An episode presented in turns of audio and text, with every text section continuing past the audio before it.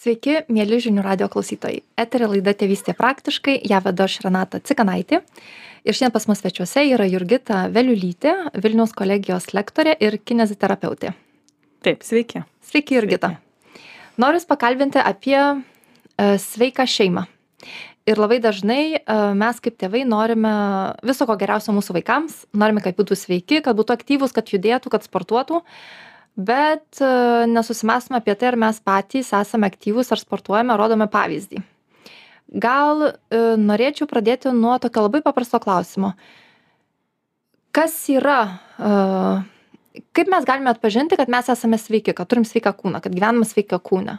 Kokie yra požymiai? Kaip mes galim žinot, kad arba sunerimti ir sakyti, pavyzdžiui, o, vat mūsų vaikams reikėtų daugiau fizinio aktyvumo. Kodėl? Iš kur mes tai žinome? Labai paprastas yra rodiklis, jūs visiškai teisingai pastebėjote, kad apie pavyzdį tėvų vaikams, bet e, sveikatos jausmas tai yra ne tiek, kad vaikams ir suaugusiems, tai mes visi žmonės, nepriklausomai nuo amžiaus, lyties, rasės, tai sveikata dažniausiai sakoma, kad e, ypač kūno sveikata, tai kai tu gali gyventi tokią dieną, kokią tu nori gyventi ir nėra jokių ribojimų kuriuos tu galėtum pagalvoti kas liečia tavo kūną. Ten e, finansiniai aplinkos ten kažkokie oro tai viskas suprantama čia nuo mūsų mažiau gal priklauso e, kūno dalykų bet kas kūną tai tai ką kaip tu nori. Kad atsikeli ryte nori pasivažinėti dviračiu sėdi ir važiuoji.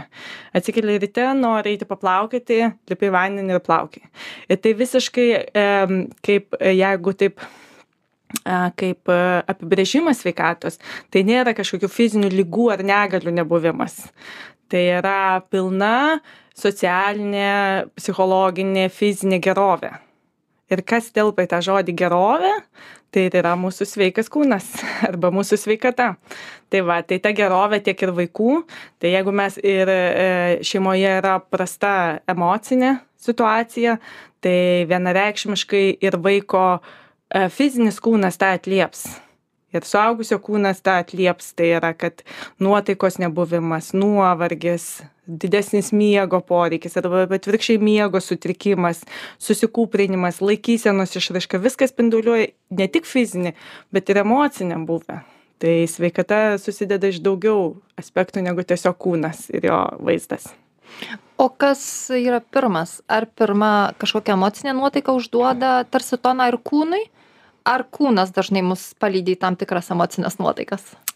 Čia, žinote, yra kaip višta ir kiaušinis, kuris pirmą niekada nežinai, e, bet yra e, e, toksai požiūris, kad tam tikros skripties atstovai apie tai kalba, tai yra, kad tu gali nusišypsoti, išsitiesti ir tada pasveikti, o gali pasveikti, išsitiesti ir nusišypsoti ir vienu ir kitu atveju tu turėsi kūne atspindėti vaizdą.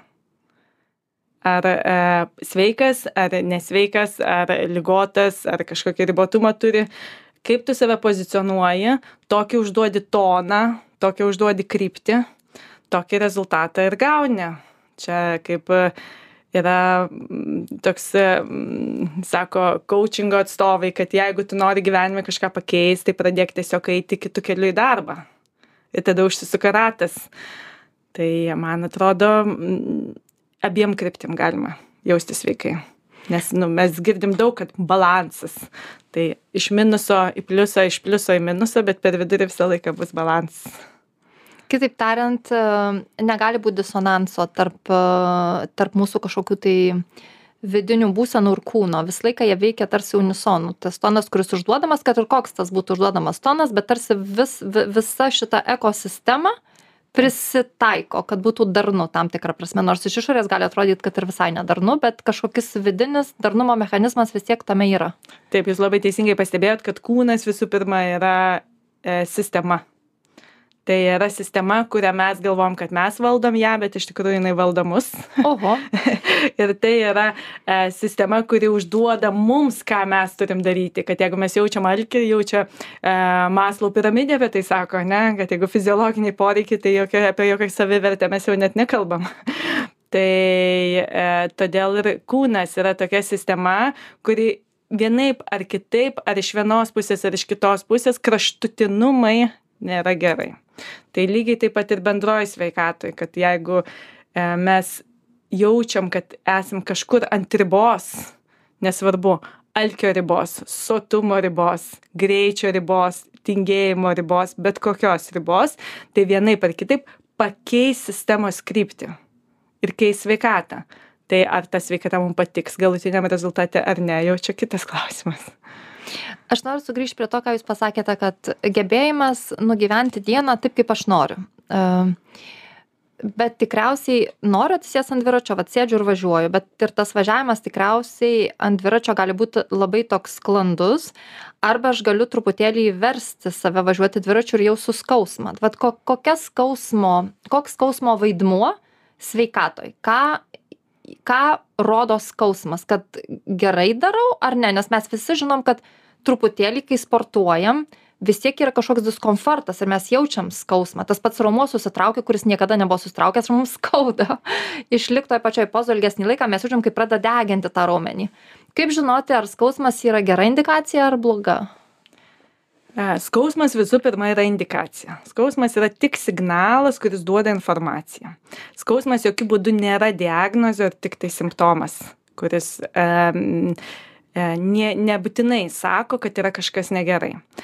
Ir kas yra įdomiausia, taip pat žmogus, čia vat mum e, medikam arba žmonėm, kurie dirba su pacientais, klientais, kitais žmonėmis, įtakodami jos, jų sveikatą arba keisdami, e, tai visą laiką yra iššūkis nes pats žmogus ką aš ir pati sakau ir savo klientam ir studentam kad tiktai žmogus pats žino kada jam skauda gerai kabutėse o kada nelabai ir em, yra tokia, vat, kinesterapeutai yra mokomi, kad reikia dirbti iki skausmo, bet sporto srityje jūs nesutiksite tokio E, požiūrio, todėl kad jeigu mes norime kažką sporte profesionaliai pasiekti, mes visą laiką turim peržengti komforto ribą. Visą laiką. Tai tais, aišku, natūraliai sukelia skausmą.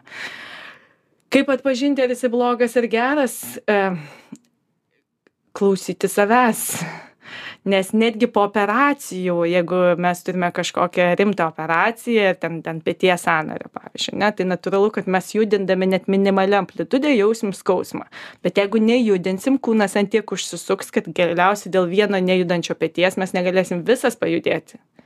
Tai va tai em pasitikėt specialistais klausti specialistų gal toks trumpas būtų atsakymas mhm. bet visą laiką klausyti savo kūno jo atliepti ir atkreipti dėmesį į, į tai ką jisai jums sako Gerai, tada grįžtu prie to paties teiginio, gebėjimas nugyventi dieną taip, kaip aš noriu. O kas jeigu mūsų vaikai, pavyzdžiui, sako, mamo, aš tai noriu prasidėti ant sofos visą dieną ar pažiūrėti filmukus? Taip tai vat jeigu kalbam apie vaikus Mhm. tai aš labai nepritariu požiūriui kad e, vaikas prigimtinai žino kaip jam judėti Mhm. Nežino. ne, nežino nežino tikrai nežino ir e, yra toksai požiūris kad vaikam reikia netrukdyti jie žino kaip gulėti kaip miegoti ypač kūdikystėj ir taip toliau e, bet nežino vaiką mes užauginam yra toks angliškas požiūris išeipinam tai yra padarom jo formą kokią mes norim. Kai kūdikėlis gimsta mes jį auginam kažkokioje aplinkoje. Tai yra sėdynės vežimai miegojimo padėtys e, lovelė kurią parenkam čiužinis kurį pare čiužinys kurį parenkam e, ekranas į kurį mes žiūrim į vieną arba kitą pusę. Jis tokią formą ir įgauna tai yra lygiai taip pat kaip arbūzą man atrodo medijoj daug kas mato kaip arbūzą galima įdėt į kažkokią dėžutę ir jis augdamas įgaus kvadratinę formą. Tai lygiai taip pat ir vaikas. Todėl visų pirma vaikui mes turime demonstruoti rodyti kokios formos jisai turėtų augti. Tai kad jisai norės e, saldainių tai kad jis norės žiūrėt televizorių kad jis norės sėdėti net nesėdėti nei gulėti čia nežinau pusgule pusgule forma kažkaip būti tai yra tiesiog aplinka kurioje jis auga. Ir jisai ją atliepia. Nes kūnas yra nuolat kintanti ir prisitaikanti sistema. Kūnas gali gyventi antarktidoje kūnas gali gyventi afrikoje kūnas gali gyventi e, vandenyje po dešim valandų ką mes matom plaukikuose pavyzdžiui ne? Kūnas gali gyventi e, kosmose jis gali gyvent bet kur. Jisai pasikeis į tokį būvį, kokį mes iš jo reikalausim. Tai va, tai kaip atrodo vaikai, e, laikysena, nu, aš galbūt tik apie fizinę sveikatą, ne, neliečiant patologijų Taip. kažkokių lygų, ne, bet netgi tam tikros skrandžio ten problemos, tos, kas įtakoja aplinka. Tai, tai kokią formą tėvai jiems užduoda ir tam ir tą reikia aš pati auginu dukrą ir aš matau kartais kai mes važiuojam į kažkokius mokymus aš mes su ja iš anksto susitariam sakau tu sėdėk tiesiai nes tu demonstruoji kaip aš tave auklėju. Tai tai jinai visą laiką juokiasi iš manęs ir aš jinai jau net par parsidavinėja galima taip sakyt kad mama kiek kas man bus už tai kad aš sėdėsiu tiesiai visą tavo paskaitą arba dar kažką. Bet tai yra savotiška susitarimo forma kaip ir už dešimtuką tėvai už dešimtukus vaikam irgi pinigus moka tai kodėl nemokėti už laikyseną? Arba už sportą arba už dar kažką. Aišku čia susitarimo susitarimo klausimai. Tai aš manau kad visų pirma formą vaikų sveikatai šimtu procentų užduoda tėvai. Šimtu procentų. O tada labai įdomu nes jūs sakote kad mūsų kūnas geba prisitaikyti. Kitaip tariant jeigu nuolat tai prie ko jam reikės taikytis bus pagalvė tai kažkaip kūnas ir įgaus tos pagalvės formą. Taip tai tada kodėl mums skauda kartais jeigu kūnas geba prisitaikyti? Kodėl pas mus atsiranda pavyzdžiui nežinau kažkokios laikysenos ten stuburo išvaržos? Tai vadinas negeba iki galo prisitaikyti. Geba bet e, mes visą laiką e, kaip ir gyvenime taip ir kūne reikalaujam e, kraštutinumo ir disonansų kaip jūs sakote. Tai yra kad e, visa kineziterapeutų industrija ir e, reabilitacijos centrų industrija dabar užkurta dėl to, kad žmonės prisitaikė sėdėti. Jie yra sėdintys. Dėl to juos reikia gydyti, nes jie nori vaikščioti. Jeigu žmogus sėdintis po 80 valandų, e, nesėdė, arba ten pusiau gulom lovoje, ką parodė darbas iš namų, ten kažkokiu, kažkokiu būdu susiraitę, ne, tai jeigu jisai toje padėtyje ir praleis visą likusį savo gyvenimą ką mes matome e, sėdintys vežimėlyje žmonės e, jie įgauna kas jie dirba su e, medicininėj reabilitacijoj tai paskui te, atsigulęs žmogus į lovą jisai jau nei be kojos nei nugara neišsitiesia jis ir yra tos kėdės formos miega dažnu atveju. Yra tokių ir e, tai yra vadinama kontraktūromis medicininė diagnozė.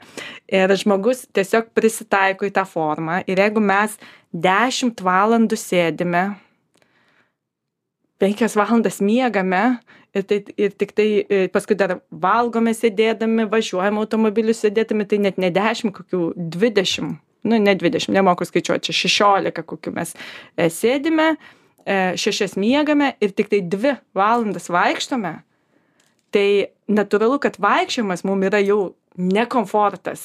Tai išvarža atsiranda bevaikščiojant. Čia ne, tokia jūsų išvarža. Išvarža, e, mhm. tarp kitko, tyrimai yra atliekami ir yra um, pagal statistinius duomenis, tai išvarža arba nugaros trauma įvyksta namų aplinkoje dažniausiai, tai yra lipant iš lovos, e, keliant vaikus, o sporto salėje gerokai rečiau.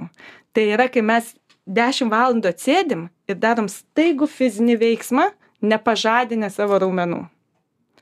Tai mes žmonės jau dabar gydome nuo to, kad jie per daug sėdi ir jų raumenys nebemoka vaikščioti. Čia lygiai taip pat, kad jūs visą laiką vaikščiotumėt, tarkim, pakalb... aš esu e, vertikalios darbo pozicijos atstovė, tai man pasidėti dvi valandas yra reikalų. Ir tie, kas sako aštuonias valandas, tai man čia reikia gerokai pasitreniruoti man aš po aštuonių valandų aš neatsistosiu o yra žmonės kurie septynias dienas per savaitę sėdi po aštuonias valandas. Tai jie yra treniruoti sėdėt. Ir gydyt reikia kad jie netreniruoti vaikščiot. Tai prisitaikys. O kaip tada vaikai pavyzdžiui kur e, vaikams būna problemų dėl laikysenos? Tai čia dėl ko? Dėl to kad jie mato blogą pavyzdį kaip sėdėti kaip taisyklingai o kaip taisyklingai sėdėti tarp kitko Čia toksai e, e, iš pradžių apie vaikus, tai e, švedai čia vieno tą tyrimą tiesiog papasakosiu ir jisai pasakys visą atsakymą jūsų klausimą. Tai švedai atliko tokį ilgalaikį tyrimą ir jie tyrė iki mokyklinio ir perėjus į mokyk, mokyklinį amžių vaikus. Ir e, jie tyrė, e, kas labiausiai įtakoja vaiko nugaros sveikatą. Ne? Ir tai planšetės arba praleistas laikas prie kompiuterio buvo tik tai trečioje vietoje. Pirmoje vietoje tai yra baldai, kuriuos mes turime, tai yra aplinka E, vaiko kambary yra 90-90 kėdė prie stalo, e, lova ten 90-90 irgi, e, fotelis 90-90, svetainė visa yra tų pačių kvadratų, tų pačių išmatavimų, stalas virtuvėje su kėdėmis tų pačių kvadratų, tų pačių išmatavimų, mokykloje tie patys kvadratai, tai yra baldai, kurioje, kuriuose tai yra būtent forma. Ir pirmoje vietoje tai yra tėvų pavyzdys. Kaip vaikais, kai vaikai, vat, sako, e, eina tėtis ir sunus arba ten dukra, o, žiūrėk, iš karto matosi, kieno eisena paveldėjo, ne? Arba tikras tėtis. Taip. Tai dėl to, kad vaikas išmoko, jūs pa, pa, pa, pažiūrėkite į savo vaikus ir pamatysite, kad jūsų dukra sėdi taip pat, kaip sėdite jūs. Tai yra rankytė užmesta, kojytė užmesta ant vieno ten, kažkaip jūsų kopijuoja jūsų vaizdą, kaip kopijuoja garsą kodėl kiniečiai išmoksta kalbėt kinietiškai, lietuviai lietuviškai. Jie kopijuoja funkciją. Ir tai yra vaikai. O kitas jūsų klausimas, kad kokia ta, kaip tai sėdėti reikia teisingai, tai aš irgi esu um, uh, prieš požiūrį, kad yra taisyklinga sėdėsena, taisyklingiausia yra judėsena. tai yra nesėdėti reikia taisyklingai, nes tai yra tiesiog neįmanoma. Nes sėdėjimas tiesiai tai yra fizinis darbas kiek laiko jūs išlaikysite pakėlusi hantelį 10 kg? Minutę neišlaikysit. Tai yra e, kaip kūjo laikymas yra ištvermės, ne? Tai, tai neįmanoma visą laiką būti statinėje padėtyje su aktyviais raumenimis. Taisyklingiausia sėdėti, tai yra neturėti sėdėjimo įpročių. E, tai yra ir sėdėti šitaip, ir sėdėti kitą pusę, ir sėdėti pasisukus, ir, kom, ir visą laiką maltis ir kai pas manęs klausia kokią reikia kėdę nupirkti vaikam prie stalo tai sakau pačią pigiausią taburetę kad jam būtų labai nepatogu ten sėdėt ir jis visą laiką malsis ir neturės komfortinės padėties dėl to kūnas visą laiką bus užkurtas judesiui tai aš esu prieš ortopedinius baldus. tai kitaip tariant, e, ta kėdė, ant kurios sėdim, neturi leisti mums jo įsipatoginti taip. ir mes nuolat turim tarsi ieškoti, nu kaip čia atsisėdus, čia taip, taip. ir nepatogu, ir taip nepatogu, ir į kairę dešinę atsistoju, apsisukau, vėl atsisėdau. Taip, tas privers jūs dėti. Nes jeigu mes tik tai turim kažkokią, pas mane, kai ateina klientai, tai aš dažnai e, jau ant kušėtės e, pasijaučiu aiškiregę mm. už tai, kad sakau, jūs sėdite taip ir taip, nu taip yra panašumų ta prasme tu iš kūno gali pasakyt kokia žmogaus padėtis yra pati patogiausia jam. A jūs jau galite pastebėti atėjus žmogui kaip jisai kokie jo sėdėjimo taip. Kokį sportą sportuoja kokie sėdėjimo įpročiai. Tai yra aplinkos e, poveikis organizmui nes anatomijos apibrėžimas yra aiškus kad kūnas yra nuolat kintanti ir prisitaikanti sistema. Kviečiu dabar visus į trumpą pertraukėlę ir netrukus grįšime į eterį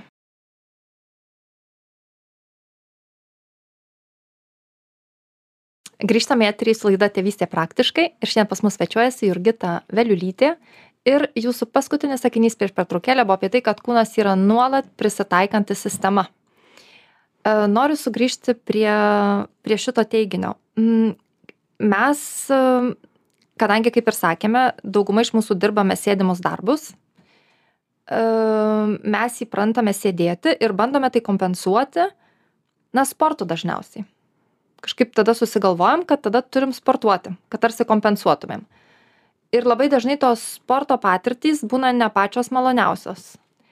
Ar ar galim apie tai pakalbėti? E, kodėl kartais sportas tampa tarsi papildomu skausmo šaltiniu ir ne vien todėl kad aš sporte stengiuos kažko pasiekti bet mes traumų patiriam e, skauda kūną kažką ne taip ten padarom įkvepiam tada šoną labai ilgai skauda kažką pasitempiam ir tarsi darau gerai einu sportuot o iš tikrųjų jaučiuosi blogiau negu prieš tada prieš tada kai sportavau.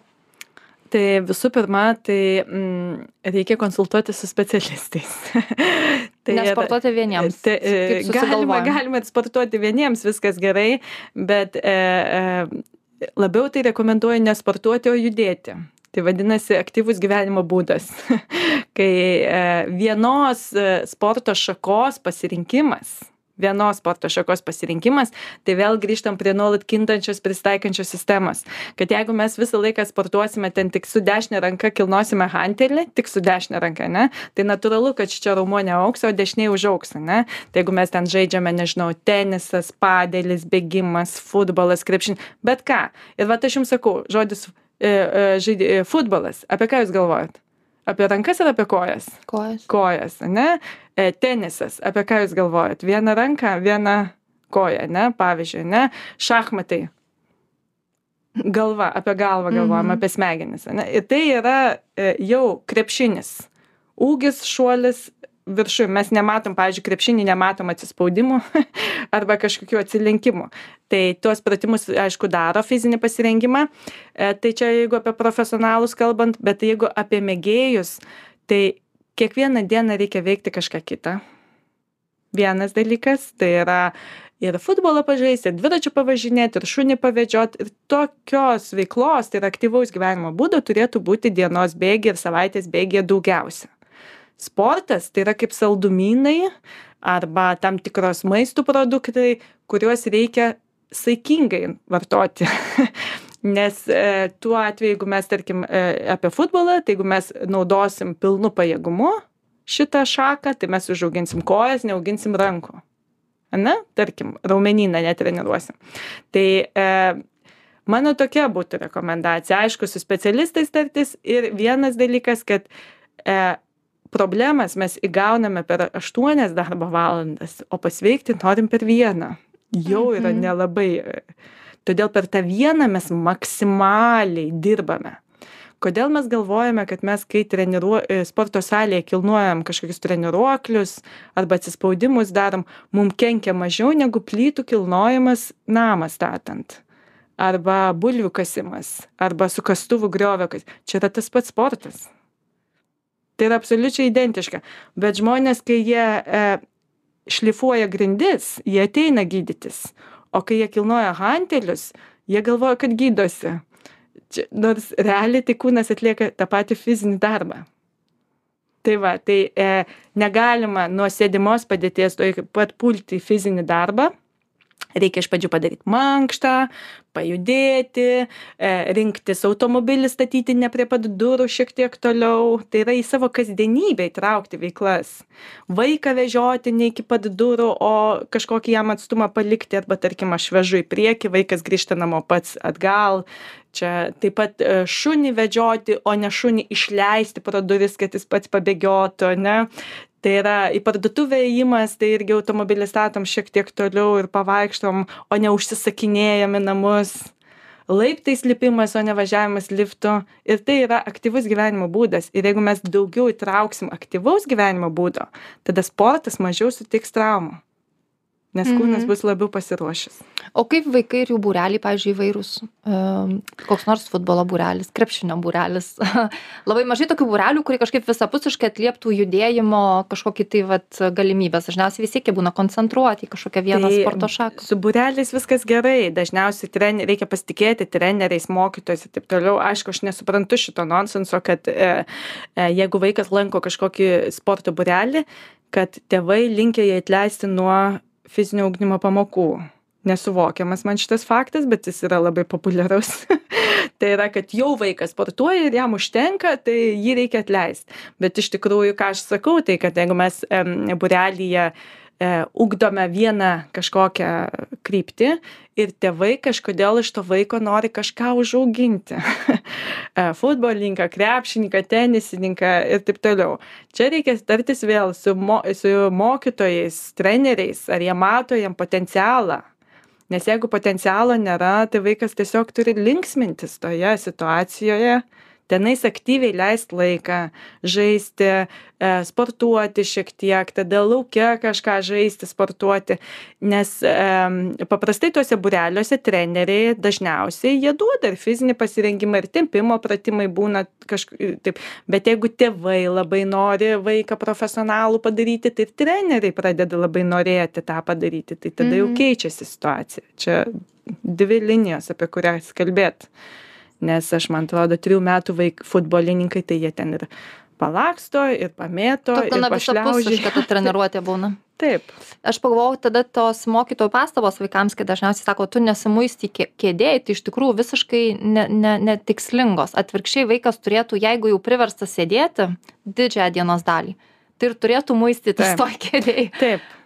Patys mokytojai turėtų atkreipt dėmesį keisti e, sėdėjimo vietas dažnai vaikams kad nes jie dažniausiai ir muistosi tada kai jie pavargsta.